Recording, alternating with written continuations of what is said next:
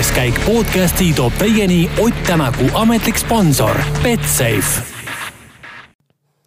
Nonii, tervitused taas kõigile rallisõpradele, Argentiina ralli on meil tänaseks nüüd juba lõppenud ning saame hooaja viiendale MM-etapile siin Delfi Huvases stuudios joone alla tõmmata. minu nimi Raul Õessaar, üle laua siis teise mikrofoni taga Karl Kluuda. no Karl, Ott Tänak lõpetas ralli laupäeva õhtuse selle tehnilise probleemi tõttu katkestamise järel lõpuks Rally2 süsteemis. sai kaheksanda koha, võitis punkti katselt veel ühe lisapunkti ka kui võtta nüüd lähtekohaks see eilne õhtu või tänane hommik, ehk siis äh, noh, olukord, kus ta oli juba katkestanud, siis kas selle saagiga,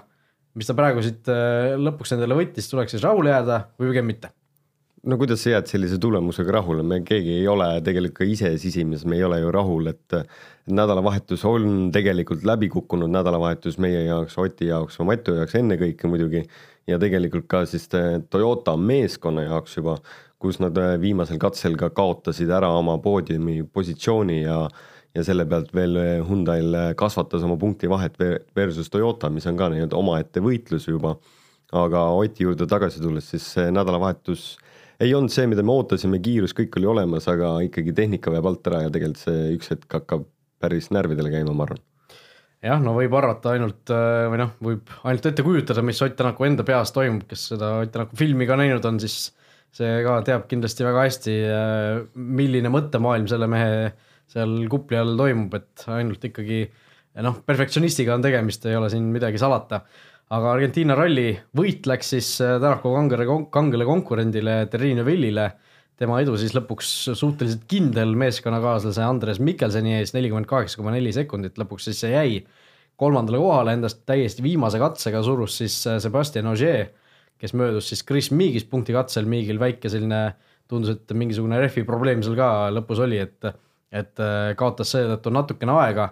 ja, ja lõpetas siis ralli neljanda kohaga, viies siis Jari-Mati Latvala, kuues Tanis Ordo, seitsmes Teemo Suninin ja kaheksas Ott Tänak, nii et kaheksa WRC autot üldse ralli lõpetas. Esa-Pekka Lapp ja Elvin Evans mõlemad siis pidid äh, katkestama, nii et äh, noh, võtame ja taaskord siis meie juba väikselt traditsiooniks saava formaadi ette, kolm võitjat ja kolm kaotajat me siit äh, rallilt siis äh, välja toome. kolm võitjat, Terrine Vill esimesena. Äh, suurepärane ralli kokkuvõttes, probleeme ei olnud, kiirust oli, stabiilsust oli ja ralli võit tuli täiesti noh, julgeks öelda teenitult äh,. täpselt nii, ega Terri tegi suurepärase töö ja, ja siin ka vennaga arutasime, et või noh, mina isegi ütlesin seda võib-olla selle pealt välja, et hetkel Territ vaadates ta näeb väga tugev välja ka. ta on rahu, maha rahunenud, korralik ja nii-öelda teeb päris head tööd, et alguses, ralli alguses me kunagi nagu ei kipu teda nagu nägema seal eesotsas, aga ralli lõpuks sa millegipärast esimene vend seal poodiumil, et et siin on palju selle üle ka räägitud, et kas mees on nüüd leidnud selle õige valemi üles, kuidas seda maailmameistritiitlit võtta ja hetkel tegelikult on ta kogunud, kogunud punkte versus võrreldes eelmise aastaga on eh, päris palju rohkem ja kõigil, kõigil kolmel sõitjal tegelikult Argentiinasse minnes ja nüüd tegelikult Argentiinast ka lahkudes. et ta ise teab, ta ütles ka, et, et need, kui üle lombi tulevad tagasi siia Euroopasse ja ta peab eh, endiselt veel teed puhastama, et siis ei saa lihtne olema ja me kõik oleme seda mitu aastat järjest ka näinud, et teises hooaja pooles ei toimi Hyundai nii hästi, kui ta võiks. aga meeskond vist teeb kõvasti tööd ka selle nimel, et kunagi ei tea aga sellegipoolest super tulemus ja tema ju tegelikult ka nii-öelda sõbrale ja elukaaslasele, võib-olla siis või noh, elukaaslane valesti öeldud, aga elavad vist samas majas ja Andres Mikkelsonile ka ikkagi väärt mees jah, kõigepealt siis äh, vaatame MM-sarja punktiseisu ka kiirelt üle, Neville siis sada kümme, Ogier sada, Tänak kaheksakümmend kaks, Miik viiskümmend neli, Evans nelikümmend kolm ja, ja siis tulevad juba kõik ülejäänud. no äh, mainisid juba ära selle teise võitja äh, meie, meie siin äh, sellest äh, nii-öelda rubriigist, Andres Mikkelsen ka kindlasti võib selle ralliga väga rahule jääda. eelmises, eelmiselt etapilt jäeti ta kõrvale Hyundai otsuse tõttu ei olnud tal enne, enne seda erilist kiirust ette näidata, tulemusi ka ei olnud päris tükk aega, kas viimati äkki poodiumil oli eelmisel aastal Rootsis? eelmise aasta Rootsis, jah. just, nii et üle, üle tegelikult ühe aasta on see poodiumi põud nii-öelda kestnud, aga seekord teine koht Hyundai'le kaksikvõit ka veel. Äh, noh, suurepärane ralli see tema poolt. tõesti ja sellepärast ta meie siia võitjate kategooriasse ka kukub. et äh, ta ise ütles ka, et see võit oli või noh, see teine koht oleks isegi olnud võiduvääriline tema jaoks, et tal on olnud raske tegelikult juba siis poolteist aastat selle autorooli taga. aga sellegi poole pealt mees võttis jalad kuuelt välja, tõi meeskonnale suurepärased punktid ja kasvatasid tegelikult ju siis edu ligi pea kolmekümnele punktile, tegelikult vist natukene alla kolmekümne punkti Toyota ees, mis on siis äh, Andrea Adomale kolmkümmend seitse punkti siis. kolmkümmend seitse, nii et äh, jah, siin ei ole, ei ole sugugi nalja, nii et et äh, konstruktorite karikas hakkab ka Hyundai Toyota eest vaikselt ära eest libisema ja seetõttu kolmandaks võitjaks oleme siin välja toonud Hyundai tiimi bossi Andrea Adamo, kes, kes noh, kaksikvõit esimest korda kusjuures sel hooajal üldse, kui esikolmikusse pääsevad äh, ühel etapil siis kaks sama tootja sõitjat, ehk siis varem oli, varem olid kõik neli etappi läinud niimoodi, et poodiumil olid kolme erineva meeskonna sõitjad, aga seekord siis Hyundai on esimene, esimene nii-öelda tootja, kes suudab ühel etapil kaks meest poodiumile saata ja ja kohe selline kaksikvõit, nii et Adamo kindlasti täiesti noh kallistab seal kõiki ja praegu on, äh, võib seal rahulikult oma Bruce Willise pilte üles panna kahe, noh, selles mõttes on sul õigus, et kui, kes seda WRC plussi vaatab ka, et siis ta kallistab, musitab, äh, emotsionaalne mees on ja ta mitu korda ka vabandas siis ka nagu telekas või rahvusvahelise meedia ees, ütles, et vabandust mu hääle pärast, aga tegelikult mees lihtsalt nagu, tal oli nutumaik ka suus. et ta oli nii õnnelik, et tegelikult teda, tema sinna etteotsa ju see aasta pandi ja alguses oli üsna närviline, sellepärast et ta ei suutnud enam võitu tuua sellele meeskonnale. aga sellegi poole pealt eh, nüüd Argentiina ralli lõppedes on üks-kaks, Hyundai poole pealt vahepeal oli isegi karta, et äkki tuleb üks-kaks-kolm, sest Tanis Ordo oli ka väga tugevat sõitu tegemas see nädalavahetus. küll aga täna hommikul eh, ei olnud mehel seda kiirust, temast läksid mööda siis nii Jari-Mati Latvala, Sebastian Ogier, kellega ta oli ühel samal pulgal ja tegelikult Ogier siis on see mees, kes sealt siis meil võitjate kategooriast jäi küll täna natukene välja, aga no,. ta oli selline esimene nimi seal nii-öelda joone all. jah, ta oli see esimene nimi joone all puhtalt sellepärast, et tegelikult mees võttis väga korralikult ennast täna kokku, võttis enda autost maksimumi ja power stage'iga äh, tegi Terry Newville'ile väikse üllatuse, kellel oli au seda ülekanne lõppu vaadata ja poodiumi tseremooniat siis eh, poodiumile astudes Terri vaatas kõrvale, et vaatas, Ogier, oot-oot-oot, mis sa siin teed, et kuidas sa siia said? et ta nii-öelda ehmatas ära, et Ogier ikka andis märku, et ma olen veel siin, ära üldse siin mõtlegi. just Sõber. ja noh, punktitabelis lõpuks need äh, sellised äh, ühekohalised tõusmised esikolmikusse pluss punktikatse maksimum, noh, need on väga-väga magusad punktid ikkagi, noh, kõvasti magusamad kui võib-olla mõned teised täpselt nii ja tegelikult ju siis nende vahe on ka ainult endiselt kümme punkti, et Newvil natukene kasvatas seda, aga mitte palju. kurb on võib-olla kõige, kõige kurvem meie jaoks on vaadata seda, et Ott on kahekümne kaheksa punktiga maas, et see on nagu ühe ralli võit, et Argentiina, Argentiinas tuli see tema katkestamine ära, aga võib-olla siis, võib-olla on hooaja teine pool jälle meil parem, tugevam. roosilisem. roosilisem, sest ju tegelikult õnn on nagu olnud kellegi teise poole peal praegu, et õnn peaks nüüd ka Oti ja Matu õue tulema ja Toyota meeskonna, aitab küll noh. nii et äh, juhatasid sisse hästi järgmise segmendi, kolm kaotajat Ott Tänak äh, kindlasti number üks selles, selles vallas on, et väga õnnetu see tehniline rike äh,. Jällegi see täpne põhjus ei ole meil endiselt kusjuures teada, Tommy Mäkinen ka seal natukene hämas selle kohta et äh, ilmselt ikkagi ei olnud midagi seal generaatori või akuga, mingisugune elektriline no see äh, viga, aga noh. seesama mure oli ju Mehhikos ka. Äh, pärast Mehhikot Tomile pandi kõvasti südame peale, et ta peab selle muutuse ära tegema ja, ja fun fact asja pool on tegelikult see, et Toyota kasutab McLareni äh, generaatorit. ja, aga siis, kui McLaren selle välja töötas, nad ütlesid, et et see ei pruugi sada protsenti teie tingimustes töötada, sellepärast et see temperatuuride vahe, mis teil on, on erinev ja senimaani viga on ka teada vist, aga ei ole suudetud seda lihtsalt nii-öelda nagu ära teha. no mingid, mingid jutud on siiski, et või noh, Mäkinen tähendab ise vist, ma saan aru, et ütles, et et see ikkagi ei ole see probleem, mis seal Mehhikos oli, et see võib midagi muud olla, et viga oli elektrisüsteemis. Et oli mingisugune muu probleem, saadi juba lahendatud, aga noh, no ütleme praegu meil siin sellistele nii-öelda kõrvalistele fännidele ei, ei ole see midagi eriti lubavat, ütleme, et kui mingisugune muu probleem veel, veel seal tekkis, et Toyotal ikkagi neid selliseid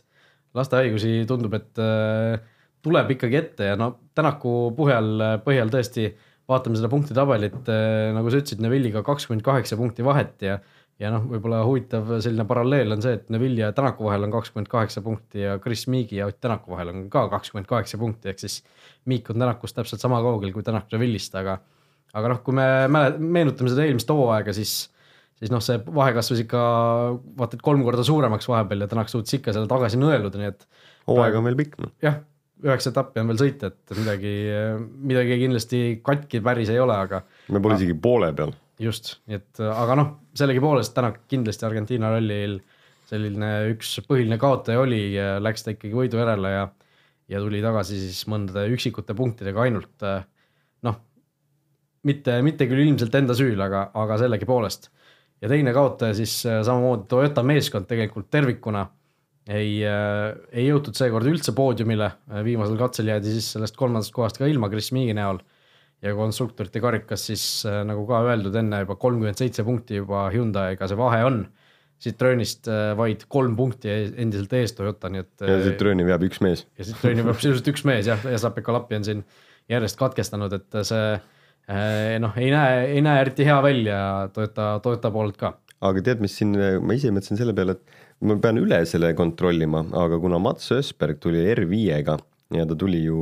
jäi üheksandaks, ehk siis tema võtab ka veel tegelikult Citrooni tehasele, võtab ka tema paar meeskonnapunkti. ma ei tea, kas see päris nii on. ja sest sõitjad ise saavad punkte, vaata top kümnes. ja ta on Citroen ka. et võib-olla, sest kui sa saad nomineerida kolm autot, siis sa ikka nomineerid ju R5 ka, noh äkki jopab. nojah, Ösberg oli seal WRC kaks Pros, ma ei tea, kas, kas see ikka loeb? ma ei tea aga noh, selles mõttes peab, ma küsin järgi, ma uurin järgi seda, tegelikult on ju põnev, et tegelikult äkki ta salaja toob ka neid punkte lisaks, et sellepärast need salajased see... punktid kuskil kilekotiga tagauksest on ju. No võib ju olla reaalne, aga ma teen selle selgeks. vaatame kiirelt, võtame WRC mingisuguse kodulehe lahti, äkki seal on äh, kirjas, kirjas nüüd need äh, jah, punktiseisud ikkagi jah, kolmkümmend seitse punkti ja Citroenil on kolm punkti taga Toyotast, nii et äh, see peaks, see peaks kõik õige olema. see on kõik õige, aga äh, lihtsalt huvitav, et kas Mats Ösbergi punktid lähevad ka arvesse või mitte. see on minu küsimus tänase saatesse, saates minule endale ja vastust mul ei ole. just, et äkki järgmine kord saame selgust tuua. igatahes ja kolmandaks kaotajaks. või ole... äkki, või äkki keegi, äkki keegi kuulajatest teab, kirjutage meile. kes, kes esimesena kirjutab, see võib, võidab siin mingisuguse Delfi, Delfi kruusi äkki no mõtleme. no vaatame, vaatame seda asja. no,, igaks juhuks midagi välja ei luba. Ma hakkan, ma hakkan kiiresti kirjutama. jah, aga äh, kolm kaotajat, kolmas kaotaja on ka siis meil veel välja ütlemata ja see on siis äh, ei keegi muu kui M-spordi meeskond. Tervikuna, äh, nagu öeldud, Elvin Evans suure avarii tõttu pidi üldse katkestama, ei saanud isegi punkti katsel või noh, sel viimasel päeval starti tulla. Ja Teemu Suninen, temast ka eile juba paari sõnaga rääkisime, terve nädalavahetuse tegelikult ikkagi pettumus? no ei, ei õnnestunud kuidagi, eks tal oli probleeme autoga ja seda kiirust tal ei olnud, aga Ott ka kunagi rääkis seda, et esimesed kaks, esimesed aastad Argentiinasse minnes, et tegelikult see on natukene selline nagu raske ka, need suured kivid ja pinnase muutused ja ühte otsa on ta päris kiire ja teistpidi see on hästi nagu tehniline ja ja sa pead oma autot seal kivide vahel väga hästi valitsema, et lihtsalt kui seda kindlust ei olegi, et siis see aeg hakkab väga kiiresti nii-öelda nagu kaduma. Ja et äh, ma saan aru Teemust, et äh, võib-olla miks ta ei olnud päris nagu konkurentsis võrreldes teistega. samas äh, ta tegi ilma viga, ilma vigadeta sõidu, tõi meeskonna mingeid punkte, et päris null tulemus ei ole, aga noh, ei ole ka parim tulemus ja tegelikult kahju oli ka Elvin Evansist, kes siis selle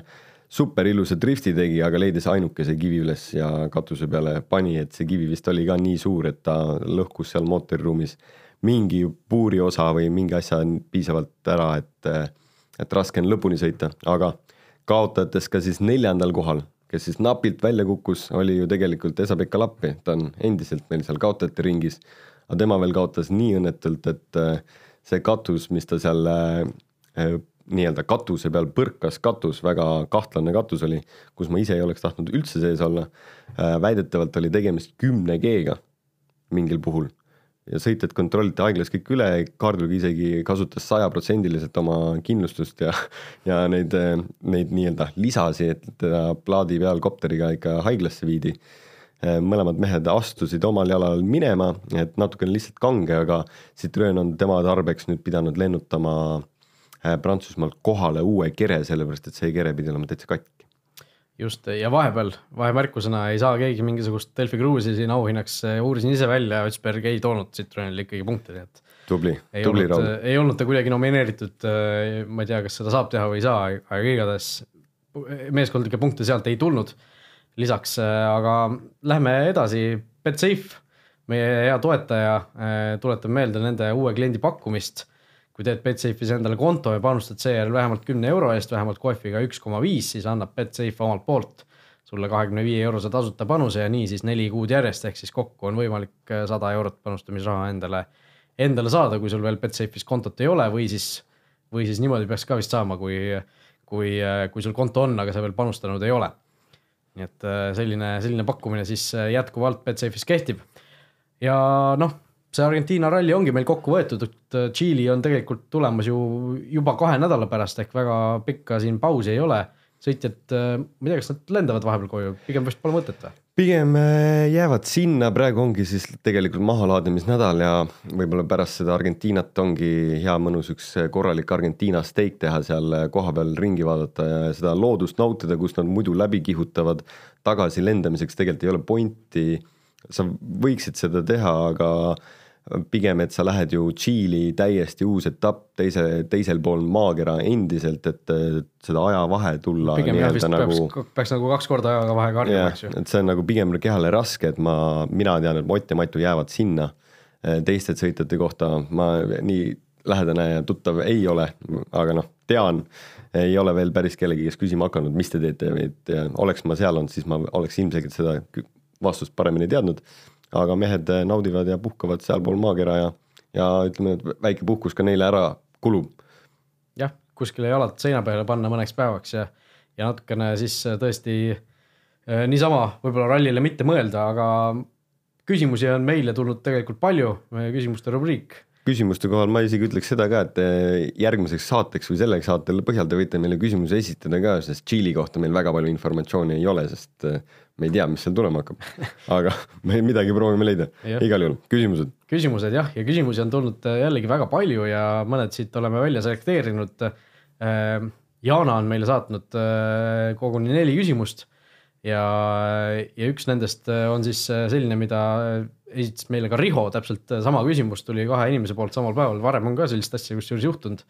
aga noh, selline huvitav kokkusattumus, kuna see küsimus ei ole kuidagi äh, Äh, otseselt aktuaalne või selle Argentiina ralliga just seotud, aga aga selline üldine ralli küsimus, miks istuvad ralliautodes kaardilugejad madalamal siis kui juht, et kas tegu on äh, mingisuguse raskuse asetamise äh, või noh, raskuskeseme paigutamisega või on seal mingisugused muud argumendid ka mängus? raskuskese. Ja kaardilugejal ei ole mõtet välja vaadata, siis hakkab hirmus. Nojah, aus vastus. Äh, noh, mingil määral ta ikkagi vist välja näeb, et sealt. ja äh, ikka sa pead natukene nägema, et päris nagu tagumiku pealt ei, ei ole võimalik nagu lõpuni välja seda teha, aga mõned kaardilugejad on ka nii lühikesed, et, et nad päris nagu ausalt ei näegi sealt kõrvalt midagi välja, et lihtsalt tagumikuga tunnetavad. aga selle raskuse allaviimine maapinnale võimalikult lähedale on see põhjus, miks tegelikult kaardilugejad istuvad madalamal ja ühtepidi peaksid sõitjad vahepeal panevad ka ennast madalamaks kruusarallidel, näiteks asfaltirallidel millegipärast tõstavad just nagu kõrgemale, et siis auto on nii või naa juba madalamal, aga siis no ütleme, et see, kuidas kellegi enda soov. ja juht istub sellepärast lihtsalt kõrgemalt, temal on vaja välja näha. temal on vaja näha seda hirmu. just, ja hirmu kohta tuleb siis Jaana teine küsimus, kas see on tõsi, et Oti autos ei ole spidomeetrit sõidu ajal näha, et see nii-öelda ei pidurdaks juhti, teades, kui kiiresti ta tegelikult sõidab? Äh, ülesõitudel kindlasti on vaja näha, sellepärast et äh, tuleb järgida ilusti reegleid ja mille järgi tuleb korrektselt liigelda, et, äh, et ülesõitudel on ka ikkagi noh, kõik politseid on monitooritud mingil määral. aga katse ajal võimalikult vähe informatsiooni, et ainukesed, mis sõitjale siis tegelikult tulevad, on siis mingid alarmid, et kui on midagi nagu valesti, kas temperatuurid ja asjad, vesi ja õli on põhilised, mis, mida sa näed oma display pealt ja siis tegelikult on põhiasi on käik, et aru saada, mis käigus sa oled. et siis selle käigu põhjal sa ise hindad tegelikult oma kiirust, et sul seda niisama väikest märki vaja ei ole. küll aga see mõnel autol kuskil all nurgas jookseb, näiteks minu autos äh, Hiinas äh, mul jookseb kiirus, aga ütlen päris ausalt, et kui on ükskord, kui ma vaatan, aga tegelikult äh, ma näen seda vist silmanurgast, et ta päris mul ees ka ei ole. Aga siis, kui oli hästi pikk sirge ja mul oli kakssada nelikümmend viis oli vist kella peal, siis ma natukene huvitav oli lihtsalt vaadata, et palju mul siis tegelikult praegu piirega hoogu on. ja siis tegelikult tekkis küll päris hirm oota, kakssada nelikümmend viis kilomeetrit tunnis, tuleme nüüd selle juurde korraks tagasi, et katse peal. kats-, katse peal, sul siis mingisugust piiret ei olegi seal või? no ma olin ise ka väga üllatunud ma ei teadnud, et see auto nii palju välja läheb, aga kuuekäiguline no, kast. WRC autod võrdluseks ju kahesajast üle ei lähe, neil on vist sada üheksakümmend kuskil see no,. seda minagi, ma olin arvestanud kahesajaga, aga see läks päris palju ja lõpuks insenerid ütlesid ka data pealt, et mina nagu ka neljakümmend viite numbrit ei näinud, aga nii-öelda data vist ütles ja siis ma ütlesin, et jube aga sellel, sellel pillil on väga palju jõudu, et see on uskumatu, uskumatu auto äh,. nii, lähme Jaana küsimustega edasi, kaardilugeja äh,, see nii-öelda mootori õhuklappide kinnipanemise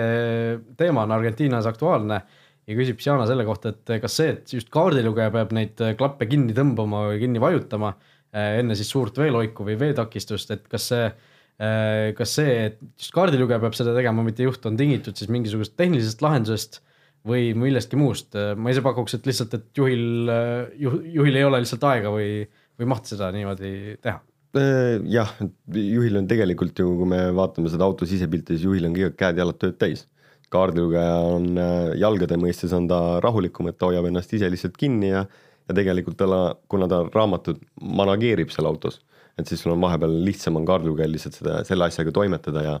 mõnda aega tagasi ei olnud ju see elektrooniline, et tänapäeval võib-olla mingid asjad, et äh, tiivikud siis lõpetavad töötamise, et vett rohkem sisse ei imeks, et see on juba nagu elektrooniline, mis seal nagu nupu all on, aga paljud on, käivad ka ikkagi mehaaniliselt trossiga, et siis sa pead reaalse nagu liigutuse tegema, et kaardilugejal on seda lihtsam nagu teha. sama, mis nagu ühes saates ma mainisin, et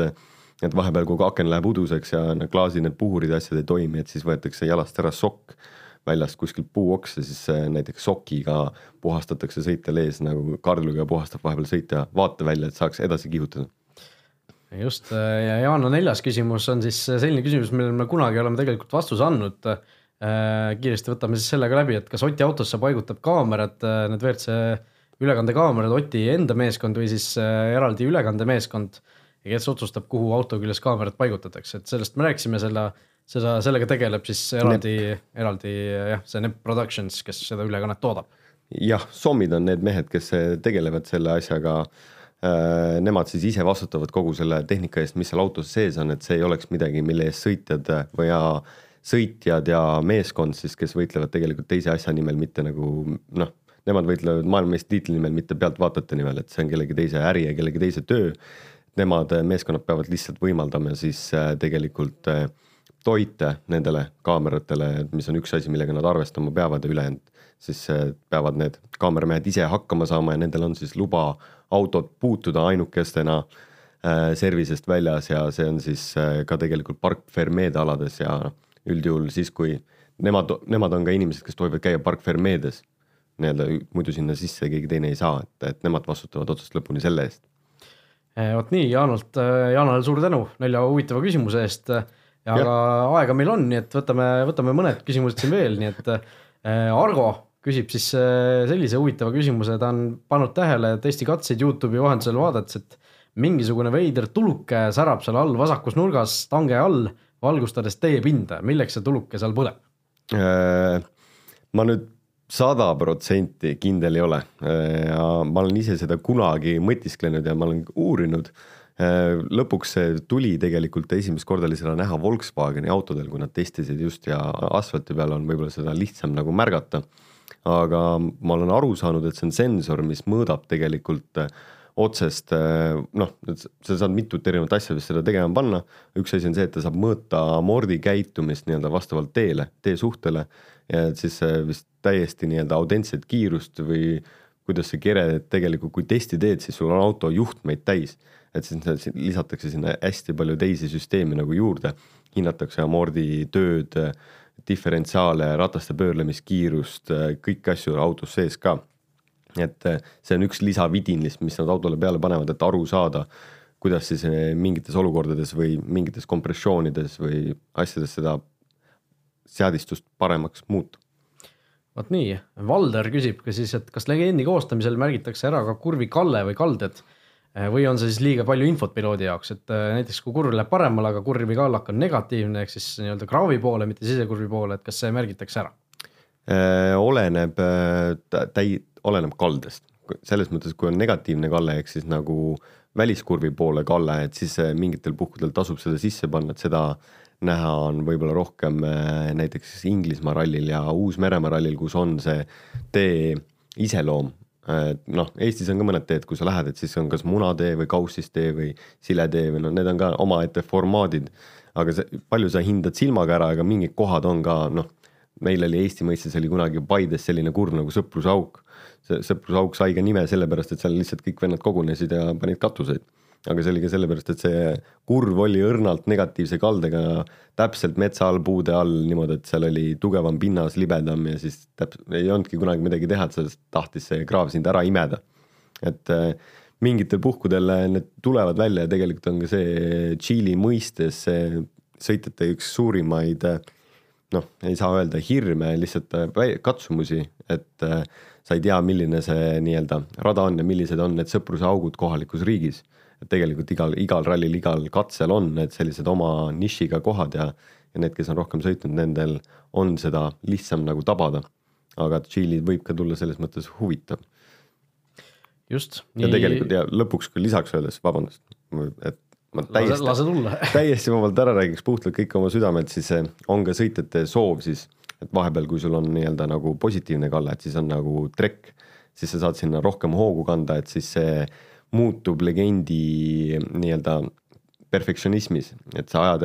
järjest rohkem ja rohkem täpsemaks, et sa suudaksid nagu võtta neid null koma sekundeid, sellepärast et praegu me vaatame, et ikka tegelikult on väga tihedaks see rebimine seal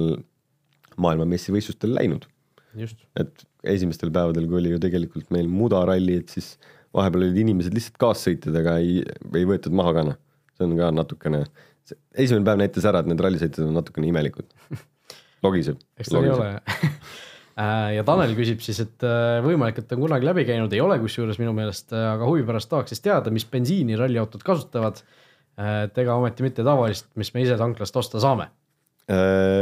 ralliautodel on noh, no see on ka jälle üks tegelikult ju ärivorm, samamoodi nagu seal on rehvid. et siis need ralliautod võtavad seitsekümmend liitrit sajale katse peal et, äh, et seda nii-öelda keegi peab selle kütusega kohale tarnima, aga kuna mootorid on nagu nii viimase peale nii-öelda tuunitud, siis päris nagu musta tanklakütust kasutada ei ole mõtet. et äh, neid bensiine on ka erinevaid, et eelmine aasta vist oli Panta, siis see aasta nüüd on äkki Wolf ja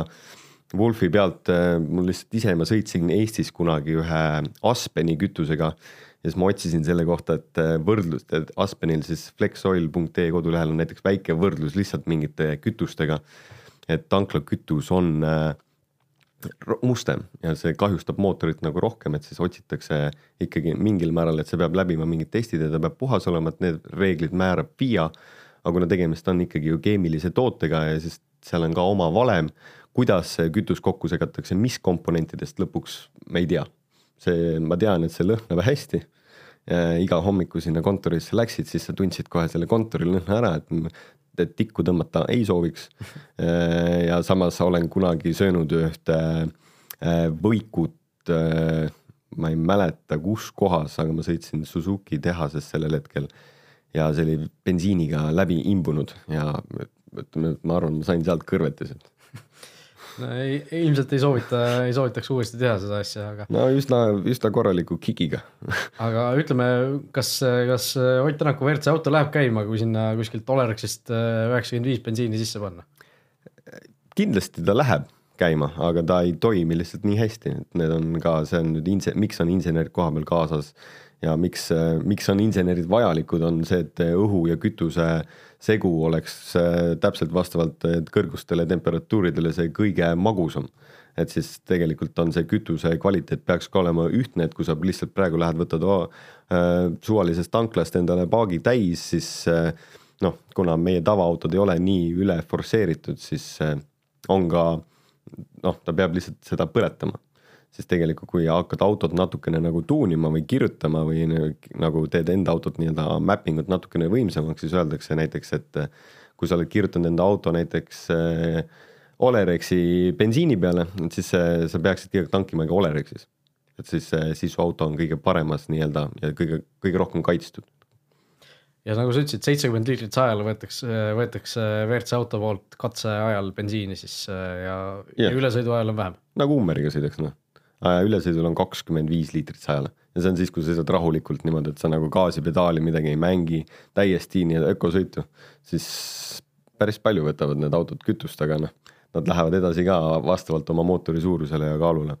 ja noh, see ralli bensiin on ilmselt ka kordades kallim kui tavaline, eks ju, kütus, nii et. no ta on puhtam, see on ju nii-öelda paremini tehtud, ta peab olema natukene kallim kui see tavabensiin, mis meie tänavasõidu vahenditesse jõuab jah, ja Tanel lõpetuseks veel ütleb, et härra Karl teid tahaks Rally Estonial ka sõitmas näha, et ehk Georg Gross annab kasutada oma vana generatsiooni Fiestat. selle kohta nüüd liikus ka informatsioon, et seda, see Fiesta on ära liikunud Eestist, et seda enam ei ole alles, kus see nüüd läks, ma mingeid pilte nägin, kas ta läks äkki ma igal juhul seda vana. kuskile välismaale. jah, see nüüd liikus Eestist ära, et, et see kaart läks ka ära kahjuks, aga ma tahaks ennast ka sõitmas näha ütleme nii, et äh, vahepeal täitsa ära unustanud, et ma olen sõiduga kunagi tegelenud, kuigi nii palju oled selles äh, saadetes ja asjades ja kuidagi oled nagu seotud sellega, et ise seda tähele ei pane ja ja tegelikult hakkab juba natukene närviliseks olukord muutuma, et kui ma mõtlen, siis ma ei ole juba neli kuud sõitnud, aga neli kuud ei ole ju tegelikult pikk aeg. nojah, mõnes mõttes on, mõnes mõttes ei ole no,, loodame, et mitte liiga pikk, igatahes äh, meie siit kuuendast käigust ikka loodame, et, et sind. saaks kuuenda käigu sisse tõmmata. jah, saaks saaks ka Karl selle kuuenda käigu päriselt mõnikord sisse tõmmata. Äh, meie aga täname kõiki kuulajaid, kes meiega siin äh, lõpuni vastu pidasid. Äh, oleme eetris siis juba natuke vähem kui kahe nädala pärast, kui Tšiili ralli algamas on. kuulata saate meid ikka Delfi taskust ja erinevatest podcast'i rakendustest, kui teil on meile küsimusi nagu nägite, siis vastasime põhjalikult ja pikalt, saate need aadressile, saatke need aadressile siis kuueskaik.delfi.ee ja täpselt samale aadressile saatke siis ka küsimusi Ott Tänakule, Ott Tänakule on ka päris palju juba küsimusi tulnud. Äh, Betsafe'i abiga siis äh, parim valitakse välja nendest ja sellele annab siis Ott Tänak omapoolse vastuse. ja lisaks selle küsimuse esitaja saab siis ka Ott Tänaku autogrammiga plakati ja T-särgi, nii et äh, tasub, tasub proovida, tasub kätt proovida meiega täname